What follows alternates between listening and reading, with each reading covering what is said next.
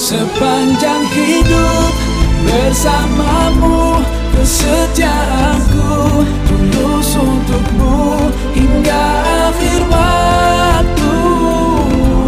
Kaulah cintaku cintaku sepanjang hidup. 106.1 Journey Montreal Tenam Jogja. Assalamualaikum warahmatullahi wabarakatuh. Apa kabar Kanca Muda Jogja? Ketemu lagi di Sasi Soma sana sini soal agama Kanca Muda Jogja Barengan sama Awan Narendra pastinya dan kamu bisa ngikutin Sasi Soma ini juga di uh, Facebooknya Munif Tauhid Kanca Muda ya. Dan seperti biasa kita barengan sama Ustadz kita tercinta ada Ustadz Munif Tauhid. Assalamualaikum Ustadz. Waalaikumsalam warahmatullahi Mas Awan. Waalaikumsalam, alhamdulillah. Ustadz, Yo. ini nih sekarang tuh baru heboh nih Ustadz. Oh. Banyak orang yang tiba-tiba jualan foto selfie lakunya 13,8 miliar. Hmm. Wow, ada orang yang tiba-tiba tanahnya miskin tapi tiba-tiba kelewatan jalan tol dapat berapa M? Hmm. Dapat bebas ba- di di bandara 5 M. Ya. Kayaknya hidupnya seketika berubah. Hmm. Tapi ada juga Ustadz yang sekarang tuh mungkin baru dengerin saya Soma Hmm. baru ngeliat di Facebook itu ngerasa hidupku kok gini-gini aja ya Ustadz ya. Hmm. Aku tuh pengen kaya, pengen berubah. Nasibku tuh bisa berubah nggak sih Ustadz gitu Iya. Ustadz. Nah ini kita mungkin kita bahas kali ini Oke. gimana Ustadz? Bagaimana sih merubah nasib? Iya. Pengennya tuh berubah, pengen lebih baik, pengen tiba-tiba tajir melintir, pengen tiba-tiba kayak mendadak gitu. Tapi gimana Ustadz caranya? Ada nggak sih dalam Islam Ustadz? Ya baik aja udah. Assalamualaikum warahmatullahi wabarakatuh. Jadi eh, ternyata sholat lima waktu itu adalah kata kunci kalau orang mau merubah nasib. Oke. Jadi jangan banyak bicara merubah nasib kalau kamu merubah cara sholatmu aja belum beres. contoh merubah sholat dari sering terlambat jadi awal waktu itu Aha. contoh yang paling ringan.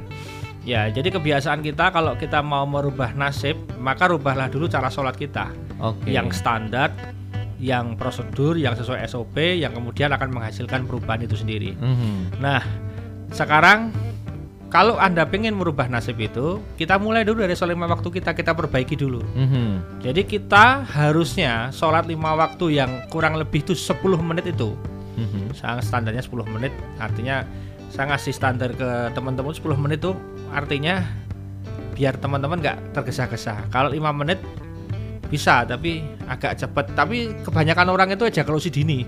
Kalau sholat itu kayak ejakulasi dini. Dua Kenapa? menit, dua menit udah selesai. ejakulasi dini kan kata dokter Boyke kurang dari setengah jam atau baru menitan udah keluar. Ah. Nah ini sama, banyak orang sesuatu kayak ejakulasi dini, dua menit udah keluar, udah, udah selesai. Tahu nggak? Orang selama sholat itu bukan jaminan dia diterima, tetapi setidaknya kalau dia sholatnya itu punya standar waktu yang nggak tergesa-gesa, itu akan buat ritme hidupnya itu nyaman. Hmm.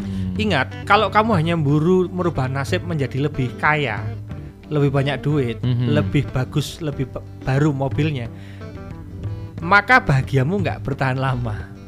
Karena begitu kamu beli seri terbaru hari Ada ini, yang baru lagi gitu ya. pabriknya itu habis Eh, jangankan jual, eh. mau pre-launching atau pre-order mobil buatan terbaru Grace, kita udah nyiapin 2 3 4 5 mode untuk tahun-tahun yang Tahun akan datang. Mhm. Jadi betapa saat ini bahagia itu susah diraih. Itu bukan karena nggak punya, tetapi karena alat ukur dan informasi yang selalu baru itu membuat kemudian melihat apa yang dia punya itu menjadi tidak baik. Hmm, ya nggak usah jauh-jauh oke. lah. Hmm. Suami istri itu dulu melihat istrinya itu ya paling cantik, suaminya ya paling ganteng. Mhm. Begitu ada Facebook, ada Instagram, kok ini lebih, kok ini nah kamu mulai banding-bandingin. Nah sehingga Hmm. kamu lihat barang sendiri itu kayak barang rongsokan, mohon maaf ya. Mhm. Karena apa sering melihat yang lain. Maka Imam Ghazali pernah ditanya sama muridnya, Mhm. "Syekh, gimana ya? Aku udah menikah ya sudah mungkin 10 tahun pernikahan, Mhm. tapi kok Kak lihat istriku tambah lama tambah jelek." Nggak menarik ya, Syekh. Kenapa ya, Syekh? Mhm. Kamu pengen jadi menarik lagi, kayak pengen saya gampang. Kamu tak kasih rahasia ya. Coba kamu selama tiga bulan ini kamu jangan lihat wanita lain kecuali istrimu sendiri. Jadi kalau kamu ketemu wanita, palingkan wajahmu. Pokoknya kamu hanya lihat waj- wajah istrimu sendiri. Mhm. Tiga bulan kamu puasa, jangan lihat wanita kecuali Istri. istrimu. Betul.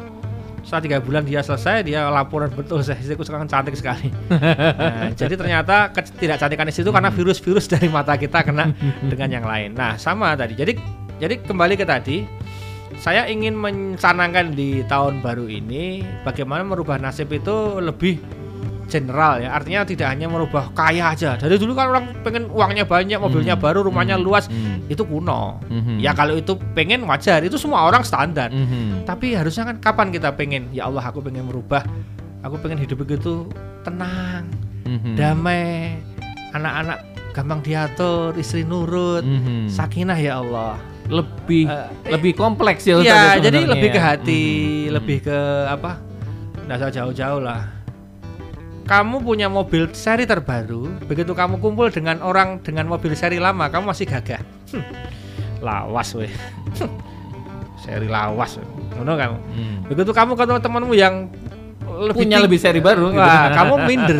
Kamu langsung mendadak nggak bahagia. Hmm. Orang paling merasa paling hina di dunia, orang paling sengsara di dunia. Betapa bahagiamu sangat sangat sempit, sempit ya. sekali. Nah, yang kita maksud dengan merubah nasib di sini Mas Awan adalah merubah akhirnya mindsetnya dirubah, Mhm. hatinya dirubah, Mhm. gitu loh. Bahwa hal-hal yang sifatnya ke apa ya, kehatian, kepikiran, tenang, jiwa itu menjadi kata kuncinya. Bukankah orang bahagia itu dia seperti orang gila kan guyang guyu dewe itu wajar gitu kan senyum senyum sendiri ya Allah. Nah coba.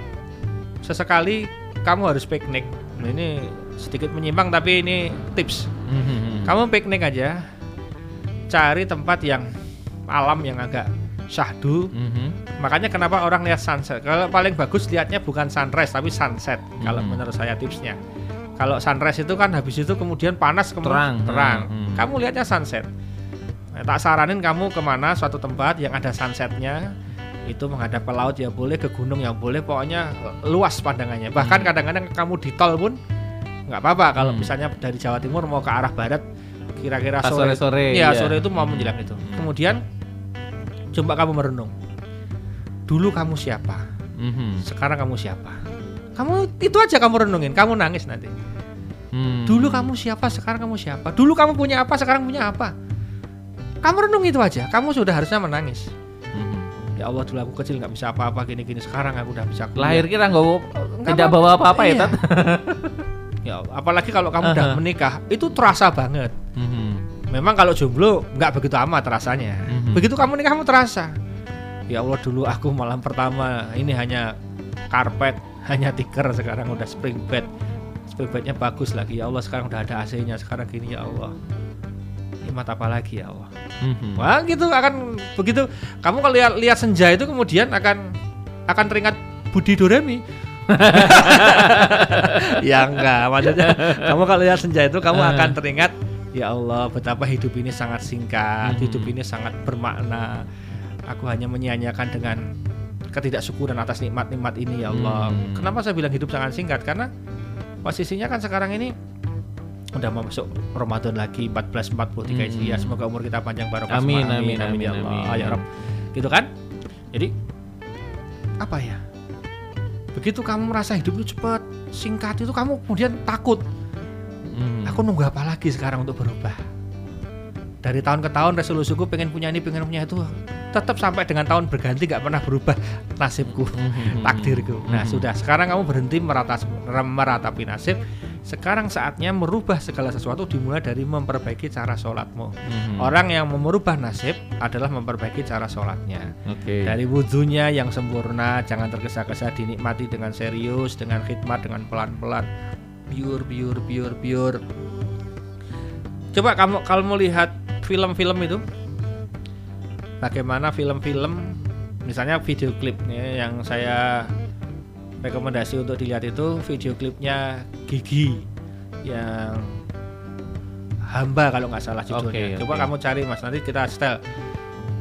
Siap, nanti saya carinya, ya, itu itu itu bagus sekali. Itu di video klip itu ada adegan wudhunya. Bagaimana seorang yang dulu ketika kecil sama orang tuanya berani bahkan sampai mencuri kotak amal masjid untuk ketagihan dia nggak tahu ketagihannya apa.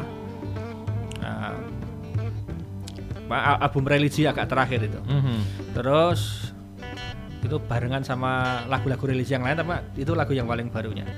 Nah, terus apa namanya? Dia juga sempat menghempaskan ibunya sendiri apa mengata-ngatai ibunya sendiri bahkan ngambil paksa perhiasannya ibunya itu Wah pernah ini kualat banget itu tanda. Wah sudah Ah. itu wis.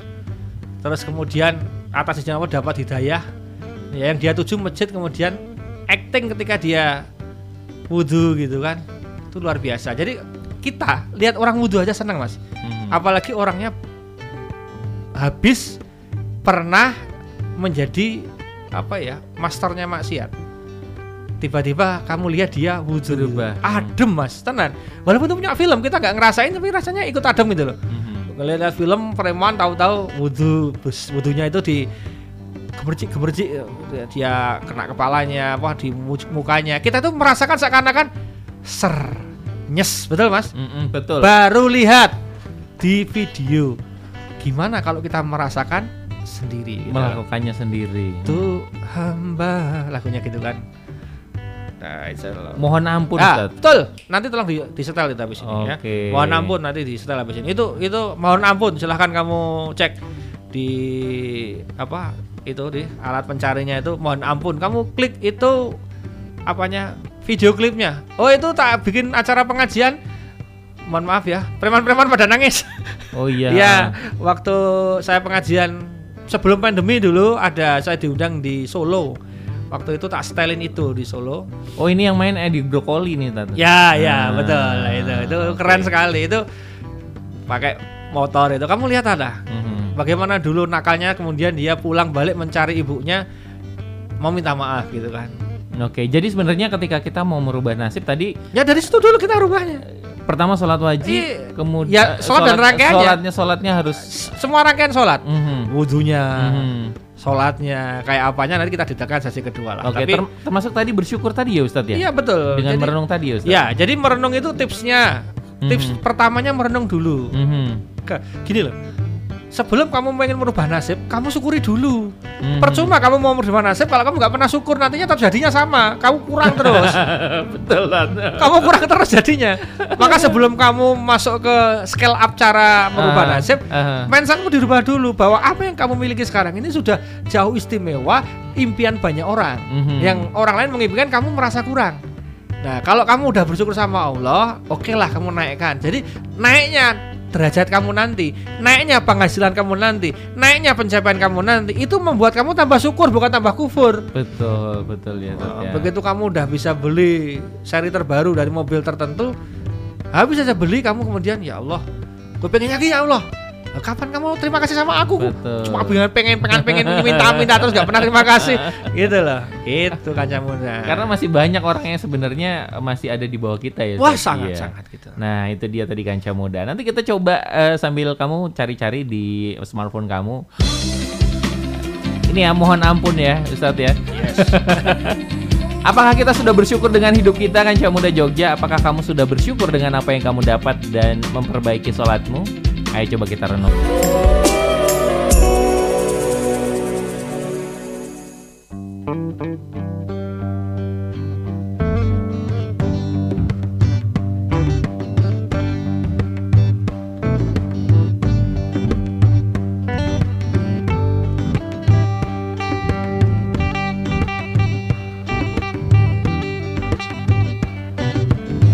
One oh six point one Running with the Real Son of Jogja. Balik lagi Anca Muda Jogja di Sasi Soma. Sana sini soal agama Ngomongin eh, agama dengan cara yang sederhana Tapi menarik dan mengenang Anca Muda ya Pastinya tadi kita ngomongin di sesi awal adalah bagaimana cara merubah nasib Hmm. Tapi nasib yang tidak hanya kaya saja Tapi lebih ke kehidupan yang lebih eh, Lebih apa ya Lebih Kita menikmatinya. menikmati ya tadi ya Ketika anda nggak punya mobil, anda tenang, itu anda menikmati. Tapi ketika anda punya mobil malah nggak tenang, anda nggak menikmati. Pilih mana?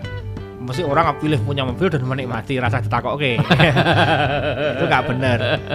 Tetapi yang saya maksud adalah jangan sampai kalau Hmm. kamu udah pengen merubah nasib, kemudian kamu nggak mengiringi dengan ilmu, akhirnya nasibmu berubah, kamu tetap nggak tenang. Gini loh, nggak usah jauh-jauh. Kan pernah saya ceramahkan di sini juga. Ada dialog yang menarik antara direktur salah satu perusahaan, salah satu bursa efeknya di Amerika sana. Mhm. Istilahnya di rootnya. Mhm. Gajinya miliaran mas per bulan, nggak Mhm. main-main. Mhm. Dia nguasai saham-saham apa? Apa istilahnya direktur bagaimana mengelola saham ya, dari saham-saham Mhm. internasional yang ada di Amerika sana.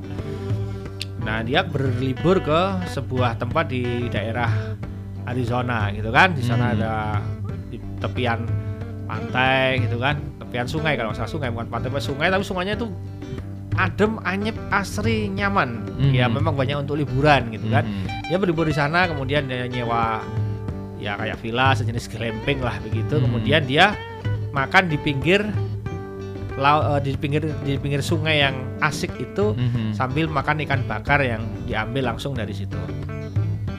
Kemudian dia sambil gitar-gitaran santai, terjadilah dialog antara dia dengan tukang yang bikin ikan itu, ikan Mhm. bakar itu. Sudah sampai lama Pak di sini, sudah lama saya. Udah berapa tahun? Sekian puluh tahun gitu kan. Wah lama sekali Pak. Iya. Bapak kerja di mana? Ya saya gini aja. Oh di sini. Hmm. Wah, Bapak nggak mau pengen nubah nasib nih Pak? Maksudnya Mhm. Mas gimana? Maksudnya Bapak gimana? Ini Pak, kalau Bapak itu nanti mau, Bapak itu nanti sekolah lagi Pak, cari ilmu tentang bagaimana jadi chef ikan gitu kan. Nanti ikannya coba dikelola dengan bagus Pak. Biar gimana Mas? Ya biar nanti Bapak berkembang gitu kan. Kalau udah berkembang gimana mas Nah, gitu? berkembang berkembang nanti nggak jadi kayak saya Pak. Wah, Masnya gimana? Bapak gimana? Loh saya ini kan jadi direktur utama kan saya juga karirnya dari bawah Pak. Cuma berkembang berkembang akhirnya Pak saya gimana? Ya terus saya sekolah Pak. Sekolah terus akhirnya saya gini naik jadi gaji-gaji terus gimana? Terus akhirnya gajinya besar Pak. Terus terus kalau udah gaji besar Pak, nah kayak ke saya nih Pak, saya bisa ke sini menikmati sungai dengan enak seperti ini Pak. Nah, kalau cuma kayak gitu aja saya udah menikmati dari puluhan tahun yang lalu Pak. Zong. Ketapuk gitu kan. Iya betul betul betul. Nah, itu yang saya maksud. Jangan Hmm. sampai kamu pengen merubah nasib tapi giliran kamu udah dapet, kamu zong, kamu nggak bisa merasain. Itu Hmm. jangan sampai. Nah, jadi kamu rubah dulu kayak pikirmu bahwa ya Allah, aku ingin mendapatkan perubahan nasib itu dalam rangka ingin mendekatkan lebih mendekatkan diri padamu ya Allah. Hmm, niatnya dulu berarti ya, Coach, ya? niatnya jadi aku ingin kenapa sih aku pengen punya mobil lebih bagus ya Allah karena aku akan membawa keluarga bapak ibuku agar kalau ke mana-mana nyaman aku akan lebih bahagia dengan itu insya Allah ya Allah gitu kan Hmm. jadi begitu anda punya mobil anda rawat mobilnya anda bawa orang tua anda bawa anak-anak ke mana-mana jalan-jalan bareng bahagia bersama itu yang dicari Mhm. misalnya kenapa sih pengen punya rumah lebih bagus misalnya? Ya Allah aku pengen eh, apa rumahku menjadi tempat baiti janati yang di dalamnya ada nilai keagamaan dan sebagainya. Oke tentu yuk nah jelas ya. Jadi nawaitunya yang benar kemudian ada tips dari saya tadi kamu nikmati sunset sambil bertanya anda dulu siapa sekarang kayak apa? Anda dulu Hmm. punya apa sekarang punya apa? Betapa Allah telah memberikan banyak nikmat yang kamu nggak ngerasa. Itu mirip PLN PLN ini hadir setiap saat menerangi kita semua giliran mati listrik seakan-akan PLN nggak pernah berbuat apa-apa Padahal selama ini ke mana? selama ini ke mana gitu kan sama jadi ketika kamu di stop sebentar lihat nikmatnya sama Allah kamu udah bertanya Allah gimana ini padahal selama ini dari kita sebelum hidup aja udah dikasih Allah nikmat sampai dengan detik ini loh kita dikasih sama Allah nikmat Mhm. Oke ya. Nah Oke, sekarang kita oke. masuk. Gimana cara kita mau memperbaiki semuanya? Berawal dari sholatnya dulu. Udah kamu fokus ke sholat. Saya, kamu, kita semua fokus ke sholat. Sholatnya diperbaikin, Mhm. di scale upkan dengan bagus. Nah saya memberi ilustrasi yang sederhana mas. Kalau untuk orang yang sudah menikah, ya mohon maaf yang masih jomblo, Jomblo, ya, ah. itu adalah kamu mengimpikan sholat seperti mengimpikan berhubungan badan dengan istrimu atau dengan suamimu wah enak ya nikmat ya wah Mhm. gairah Mhm. ada hawa nafsu untuk melakukannya nah, ketika kamu sholat sudah kamu bikin gairah hawa nafsu pengen sholat itu sudah berarti level kamu sudah di jalan yang benar kamu nggak angat angat angotan kamu nggak Ada Asal- semangat ada nggak asal-asalan Hmm. nggak, ya udah udah ya, ya, ya. pasti nggak nggak nikmat Mhm. itu bagi suami istri. Kalau yang belum menikah, gambarannya sederhananya adalah kamu puasa, lalu kamu diajak buka bersama di mana menu yang kamu sangat sukai Mhm. dan itu di Lost Doll. Mhm. Lost Doll itu sakarmu, nambah terserah gitu. wes pokoknya nggak usah mikir duit, aku bayarin semua gratis tis. Kamu mau pengen apa? Yang suka pizza silahkan, kamu tunjuk aja pizza mana aja. Kamu Mhm. pengen stick stick yang mana paling mahal di Indonesia mana? Kamu bak- buka di sana. Kamu begitu kamu kan kamu ngiler kan? Belum ngelakuin udah ngiler. Mhm. Itulah Nah, sama suami istri kalau belum melakukan hubungan seks udah ngiler, itu berarti benar. Hmm. Kalau nggak ngiler sama sekali berarti masalah. sama ketika sholat kok anda nggak ngiler sebelum sholat, biasa aja. Nah, berarti ritual anda itu seperti ritual layaknya ritual-ritual yang lain, Hmm. layaknya kebiasaan-kebiasaan yang lain. Hanya namanya sholat gerakannya gitu, gitu loh. Hmm. Tapi kalau kamu udah mempersiapkan, mengimpikan, Hmm. mendambakan, wah kapan ya sholat ya Allah. Karena sahabat dulu tuh kalau mau ketemu sholat tuh dia nunggu betul. Sampai ada istilah hidup itu hanya nunggu waktu sholat. Wah betul, itu, itu ya kelihatannya sepele, kurang ajar. Menurut ilmu ekonomi kurang ajar kamu cuma nunggu sholat, kamu kerjanya kapan? Wah, misalnya gitu. Menurut ilmu ekonomi kurang ajar, kurang ajar kan. Padahal yang dimaksud ini bukan kamu nggak kerja, kamu tetap kerja sehingga kalau aku kerja terus ya Allah, aku nggak bakal ingat sama kamu ini. Dengan Hmm. sholat aku ingat, jadi aku seneng. Hmm. Ya gitu loh. Ada yang spesial di situ ya. Ya, Ustaz, ya? jadi kita jadikan sholat itu, nah, Hmm. gimana biar sholat kita itu menjadi sebuah hal yang bergairah? Ya kamu harus memaknai sholat itu dengan persiapan yang benar, Hmm. dengan tempat yang benar. Maka nih saya tadi masuk ke tempat sholat ini di Ciro, nggak tahu sedang ada kaset di- dikeluarin semua kan. Besok kalau Hmm. udah clear situ memang mau jadi tempat musola ansih kita kita upgrade mas. Nah, Bismillah saya ikut lah nanti. Kita Hmm. upgrade yang bagus lah karpetnya kita ganti yang baru, nyaman nanti tempat apa apanya. Jadi orang masuk di ruangan sholat seperti masuk dunia lain. nyaman. Ngapain dan- sih? Aha. Walaupun tempat sholatmu nggak segede musola, kampung nggak gede segede masjid di kampungmu, Mhm. tetapi setidaknya tempat sholatmu itu adalah tempat di mana ruangan yang kecil itu bisa kamu membuat masuk situ itu seakan-akan menjadi lain kamu, menjadi pribadi yang berbeda. Hmm. Preman aja masuk masjid langsung beda dia. Masjid ini, uh, jam iso, jam iso. Minimal ada kata itunya sudah bagus kan. Jadi dia merasa ini tempat saya beda dengan kafe, ini tempat beda dengan tempat clubbing gitu ya. Mhm. Nah kalau kamu menjadikan rumahmu sudut tempat sebagai tempat kamu asik munajat, asik meminta, itu keren. Makanya saya pesen. Kadang-kadang tempat sholatnya di tempat tidur. Nah itu yang parah. yang paling parah lagi tempat sholatnya tempat tidur, tempat tidurnya untuk ML juga sama suami istrinya loh. Ini malaikatnya bingung ini tempat apa? Nggak ada saka-sakralnya gitu. Aha. Makanya saya pesen kalau bisa tempat sholat itu ada sendiri meskipun kecil. Ah, Ilahnya RSSSP ya. Kalau RSSS ya cari space yang di situ kira-kira nggak rawan najis, nggak rawan tempat digunakan untuk aneh-aneh. Ya ini hanya murni untuk sholat, Hmm. bersih sholat bersihin gitu, nggak apa-apa. Hmm. Tapi adalah space-nya.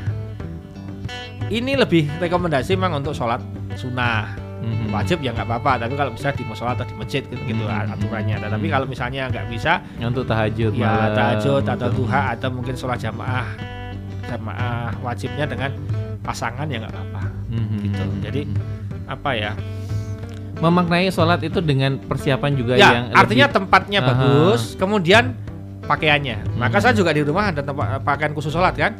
Jelas pakai sarung lah lebih bebas enak. Hmm. atasnya juga pakai pakaian yang nyaman gitu kan. Jangan jangan kaos gitu kan pakai pecis ada sajadah ada tasbih. Nah terus gini mas. Mengapa saya bilang tadi sholat itu 10 menit? Saya nggak mengatakan sholat itu harus lama enggak Mhm. 10 menit itu saya hitung sama ada fase foreplay, fase inti, fase pemulihan. Hmm. Fase foreplay itu berarti kan kita siap-siap dulu nih, Mhm. badannya gerakan-gerakin. Jadi jangan langsung gerakan. Ambil nafas dulu, sajadah kibas-kibasin. Jadi persis kayak persiapan, siap, iya. Loh, lari aja ada gitunya kan. Iya betul. Nah. Dulu kan kita waktu belajar itu ngopo toh pak pak ada persiapan siap gerak mau melayu melayu wae ngopo Hmm. langsung disemprit langsung bablas piye ya coba karena sama guru saya. Prit langsung melayu. Wes baru gue loro kabeh awake. Ada yang terjatuh ada yang terkilir. Kenapa? Nggak ada pemanasan. Mhm. nah kalau kita pemanasannya dengan apa? Sholat sunnah. Hmm. jadi sholat sunnah itu sholat untuk pemanasan mas. Lihat pemain sepak bola. Walaupun dia pemain cadangan tetap pemanasan sendiri kan? Betul. sebelum masuk ke area. Lapangan. atau pemain utama dia masih ada kan atau nggak usah jauh-jauh ada misalnya pemain bulu tangkis kan dia ada lop-lopan dulu kan. Mhm. mainnya santai nggak sampai semet-semetan baru tik tik tik tik nah dari baru seriusnya ketika sudah dimulai. Sama sholat itu kalau ada sholat kobliyahnya dan hampir semua sholat itu ada kobliyahnya Mhm. semuanya ada. Sebelum subuh ada sebelum duhur ada sebelum asar ada sebelum maghrib ada sebelum isya ada. Walaupun ada yang tidak begitu dikuatkan. Mhm. misalnya sebelum maghrib, Maghrib, itu tidak dikuatkan. Sebelum asar itu ada yang debatable tapi sebelum subuh itu kuat sebelum duhur itu kuat sebelum isya itu juga masih lemah aja tapi boleh Mhm. karena ada hadis mengatakan setiap sholat ada qobliyahnya Mhm, mhm. tapi kalau badiyah ya nggak boleh asar sama Asar. subuh Mhm. yang lain ada ko- qobliyahnya jadi qobliyah itu semuanya wajib dilakukan apa sunnah dilakukan tetapi ada yang kuat ada yang istilah bukan kuat diutamakan Mhm. ya muakadah sama nggak muakadah jadi di lebih dikuatkan sama nggak dikuatkan tapi tetap boleh bukan nggak boleh Mhm. oke ya artinya apa semua sholat berpotensi ada foreplaynya Mhm. Oke, kalau anda memang nggak sempat ya sudah minimal anda ya kayak orang olahraga ambil nafas dulu, cek cek sajadah semuanya. Habis itu nawa itu diluruskan, ucapkan dalam hati dan dalam lisan, set ambil dengan cara pelan pelan. Allahu akbar. Habis bar itu jangan langsung baca, tenang dulu. Baru ini wajah tu wajah ya. Monggo Allah maafin pain ya silakan. Mhm. baca itu sampai akhir. Gerakannya dinikmati. Rukuk sujudnya semuanya dinikmati. Nah ini penting. Fase terakhir adalah fase pendinginan. Jangan pernah habis sholat langsung minggat. Saya ingatkan lagi di stasi Soma ini jangan habis sholat langsung minggat, Minggat, mhm. karena apa? Karena setan sangat bahagia melihat orang sholat langsung minggat. Itu super bahagia guling-guling ketawa. Yes yes yes. Setan akan bahagia banget. Lihat orang sholat langsung minggat. Mhm. yang betul jangan minggat dulu. Kamu jangan beranjak dulu. Meskipun kamu hanya membaca zikir 10 kali 33 kali syukur atau 100 kali keren. Tapi minimal kamu 10 kali zikir dinikmati dulu. Minimal kalau kamu mau cepat kereta mau berangkat ya Astagfirullahaladzim Astagfirullahaladzim Astagfirullahaladzim 10 kali Mhm. Kenapa? Karena dalam hadis disebutkan malaikat itu memintakan ampun kepada Allah atas hambanya yang selesai sholat. Begitu assalamualaikum assalamualaikum malaikat bilang, ya Allah, Akhir rung rambut itu. wes wes bablas wes minggat. Lah iki sing didengake Ora situ gitu loh. Jadi gitu ternyata. Makanya setan kalau ada orang minggat senengnya pol. Yi, ra entuk donga malaikat yi gitu kan. Karena kalau yang doa kita nyun sewu, kadang kadang terima kadang enggak loh. Tapi kalau yang doa malaikat masa nggak diterima? Malaikat orang nggak pernah maksiat bro, gitu loh. Logis saja malaikat insya Allah pasti ACC. Lah dia pasukan setianya Allah nggak mungkin maksiat dia. Mhm. Lihat flat imannya itu, nggak turun nggak naik, gitu, gitu terus dia istiqomah sampai hari yaumul kiamah nggak pernah berkurang gitu kan. Nah makanya, masuk kamu nggak kepengen didoakan malaikat. Makanya lihat orang-orang sholatnya cepet, habis faikum faikum bablas, ya dia nggak dapat doa ampunan. Hmm. Gitu loh. Itu Dan yang akhirnya juga malah tidak tidak menikmati, tidak bisa lebih merasakan nikmatnya sholat ya Ustadz ya kalau Ya, begitu ya langsung buru-buru. ya itu salah satunya. Nah, Mhm. jadi dinikmati. Terus ya, sholat itu evaluatif. Mhm. Jadi sholat kusuk itu tidak ada istilah kusuk terus, tidak ada. Yang ada tingkat kusukannya itu naik dan turun. Nah kita berupaya jangan turun, tapi stabil atau naik. Mhm. Tapi ada kalanya akan turun juga. Kapan itu? Contoh, ketika piknik, tamasya, Mhm. mudik, Mhm. jalan-jalan, Mhm. kamu akan terkondisi karena situasi badanmu. Nyetir di jalan capek, Mhm. Walau nggak nyetir tapi duduk terus di mobil capek. Naik kereta walaupun nyaman ya pas hari apa pas baru jalan begitu sudah sampai lokasi ya capek lunglai betul Mhm. makanya Allah kasih keringanan ada namanya jama jama aja ada yang kosor Mhm. itu kenapa Allah tahu kamu capek berarti potensi turunnya kualitas sholat itu ada Mhm. Nah, tapi ya bisa ditrik dan antisipasi. Contoh, ya kalau kamu pas perjalanan ya baca yang ringan-ringan, bacaannya pendek. Kamu bayangkan tetap fokus konsentrasi, walaupun agak susah, tapi tetap diupayakan jangan kemudian nyonjok luas. Nah, nah, Amin. Cuman sembarangan gitu ya. Eh, jangan. Tapi tetap tetap tapi di seminimal mungkin lah Mhm. istilahnya diminimaliskan.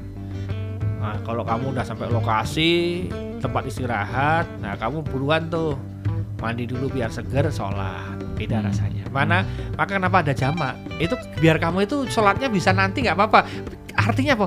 Adu sose Mhm. bersih bersih osek badanmu ben seger. Karena habis kena air itu badan beda dengan kena air. Mhm. nggak percaya ketika kamu tahajud kamu habis bangun tidur mandi dulu sama nggak mandi sholat tahajudnya beda rasanya Mhm. Kalau kamu nggak mandi, oh ngapa ngapa? Hoha hoha hoha hoha. Mhm. Begitu kamu udah mandi, set, memang dingin, memang sereng gitu. Tapi habis itu beda, seger. seger, Mhm. gitu lah. Mhm. Makanya kenapa Rasulullah salah satunya sehat karena beliau suka mandi pagi, bahkan mandinya sebelum subuh, gitu. Mhm. Nah kalau kita malu, wah dikira hubungan, ya apa-apa loh dia bojo kok dikira hubungan. Ya memang kalau perlu rutin. Loh kok kayak adi keramas terus, ya sampune akeh kok ngono wae. Kamu bader ini rantai-rantai. gitu aja. Dipikir gitu aja. Ayo baru ngopo kowe. Lah ya lumayan tuh pendak bengi iso daripada kowe ora tau iso. Gitu aja. Jadi orang enak-enak aja daripada bikin susah gitu ya. Nah itu. Jadi kembali ke tadi kaca muda jadi eh, cobalah kita mau bikin sholat itu menjadi happy, menjadi sebuah kebutuhan, menjadi sebuah ritual yang kita tunggu-tunggu. Ustadz ini ada Yo. ada ini ada pertanyaan juga Yo, Ustadz. mana? Ada yang ada yang ketika misalnya di sujud terakhir itu lebih lama dari sujud-sujud yang lain Ustadz. Karena di Hmm. sujud, sujud terakhir itu kemudian dia nambahi doanya, terus intinya memohon kepada Allah dan lain-lain di sujud terakhir itu Ustadz. Ini sebenarnya gimana sih Ustadz? Hmm, jadi begini, hadisnya ada mas, Mhm. posisi hamba dan Tuhannya itu sangat dekat ketika dalam keadaan sujud.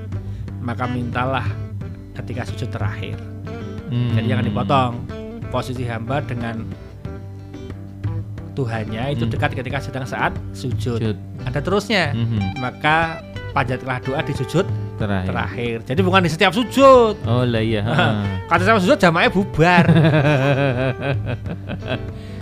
Jadi memang ada beberapa orang yang memanjatkan itu di kadang kadang kalau saya jadi terakhir. imam saya sering ngasih announcement Mhm. para jamaah mohon maaf kalau nanti di sujud terakhir itu agak sedikit panjang itu karena ada hadis begini lah monggo jamaah bisa menyesuaikan juga membaca doa tapi tidak boleh diucapkan dalam bentuk lisan tapi dalam hati.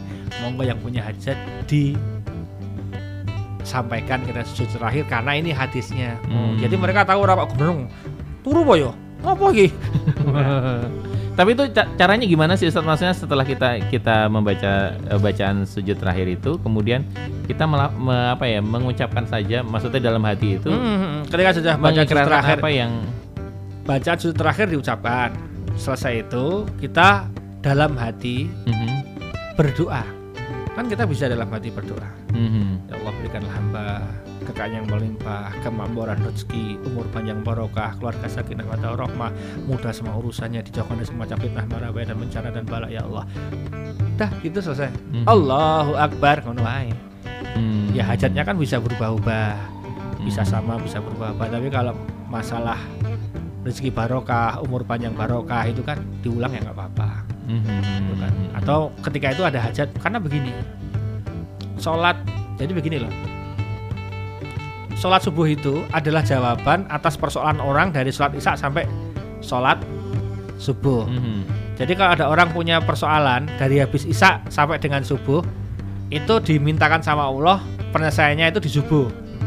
Gitu loh. Mhm. jadi harapannya masalah dari isya sampai dengan subuh itu selesai di subuh itu mas. Mhm, Nanti kalau muncul masalah baru dari habis subuh sampai dengan agak siang dimintakan sama Allah di duhur. mhm. Mintakannya justru terakhir itu. Nanti kalau ada masalah di antara duhur dengan asar mintakan sama Allah selesainya di asar. Mhm. Kalau ada masalah di antara asar sampai maghrib mintakan sama Allah selesai di Maghrib. maghrib dimintakan di maghribnya agar nanti syukur habisnya udah selesai. Kalau muncul masalah lagi subuhnya ada. Jadi ulama-ulama itu menjadikan sholat itu sebagai tempat untuk curhat dan minta sama Solusi. Allah solusi. Mhm, Nah melalui sujud terakhir itu disampaikan. Karena setiap hari mungkin persoalannya berbeda-beda. Hari ini persoalan utang, besok persoalan jodoh, besok persoalan apa, macam-macam. mhm. Makanya dia bisa berubah doanya sesuai dengan eh, tingkat hajat dan kebutuhan masing-masing. Mhm. Jadi sholat itu jangan digunakan hanya ya jadi sholat itu kenapa ada kata-kata hadis yang mengatakan masalah sujud terakhir itu? Itu berarti Allah buka peluang. Kalau kamu doa habis habis sholat itu mustajab, tapi kamu doa pas kamu dekat-dekatnya dengan aku itu lebih mustajab. Kapan itu? Sujud terakhir, Mhm. gitu loh. Mhm. Jadi dimintakan di situ. Jadi mau selesai itu istilahnya menjadi hotmailnya, penutupnya. Mhm. Jadi mintakan sama Allah itu kan nanti beda rasanya. Oke, jadi Nah, merubah nasib pertama eh, tadi setelah introspeksi, perbaiki niat, kemudian eh, bersyukur dan akhirnya penting adalah sholat ya Ustadz. Iya, jadi sholatnya Bikin pertama. sholat. Ya Hmm. kamu jangan jangan berharap banyak kalau kamu dari tadinya sholat telat menjadi nggak telatnya susah ngerubah ya. Kamu nasib juga susah berubah juga. Mhm. dari tadinya kamu bolong-bolong sholatnya kemudian masih tetap bolong-bolong ya susah berubah sholat apa berubah nasibnya. Mhm. ketika kamu bisa menggeser cara sholatnya mendekati sempurna. Kalau sempurna 100% oke lah mungkin susah ya. Mhm. seperti Nabi begitu wah sholatnya lama sekali khusyuk sekali sampai sahabat Ali bin Abi Thalib kan pernah kena panah itu dicabutnya itu minta pas sholat karena pas sholat dia nggak terasa Hmm. gitu jadi betul-betul kita sampai sampai nggak terasa betapa khusyuknya para sahabat ya kalau kita belum bisa level itu minimal kita standar SOP-nya itu ti- tidak dilewatkan Mhm.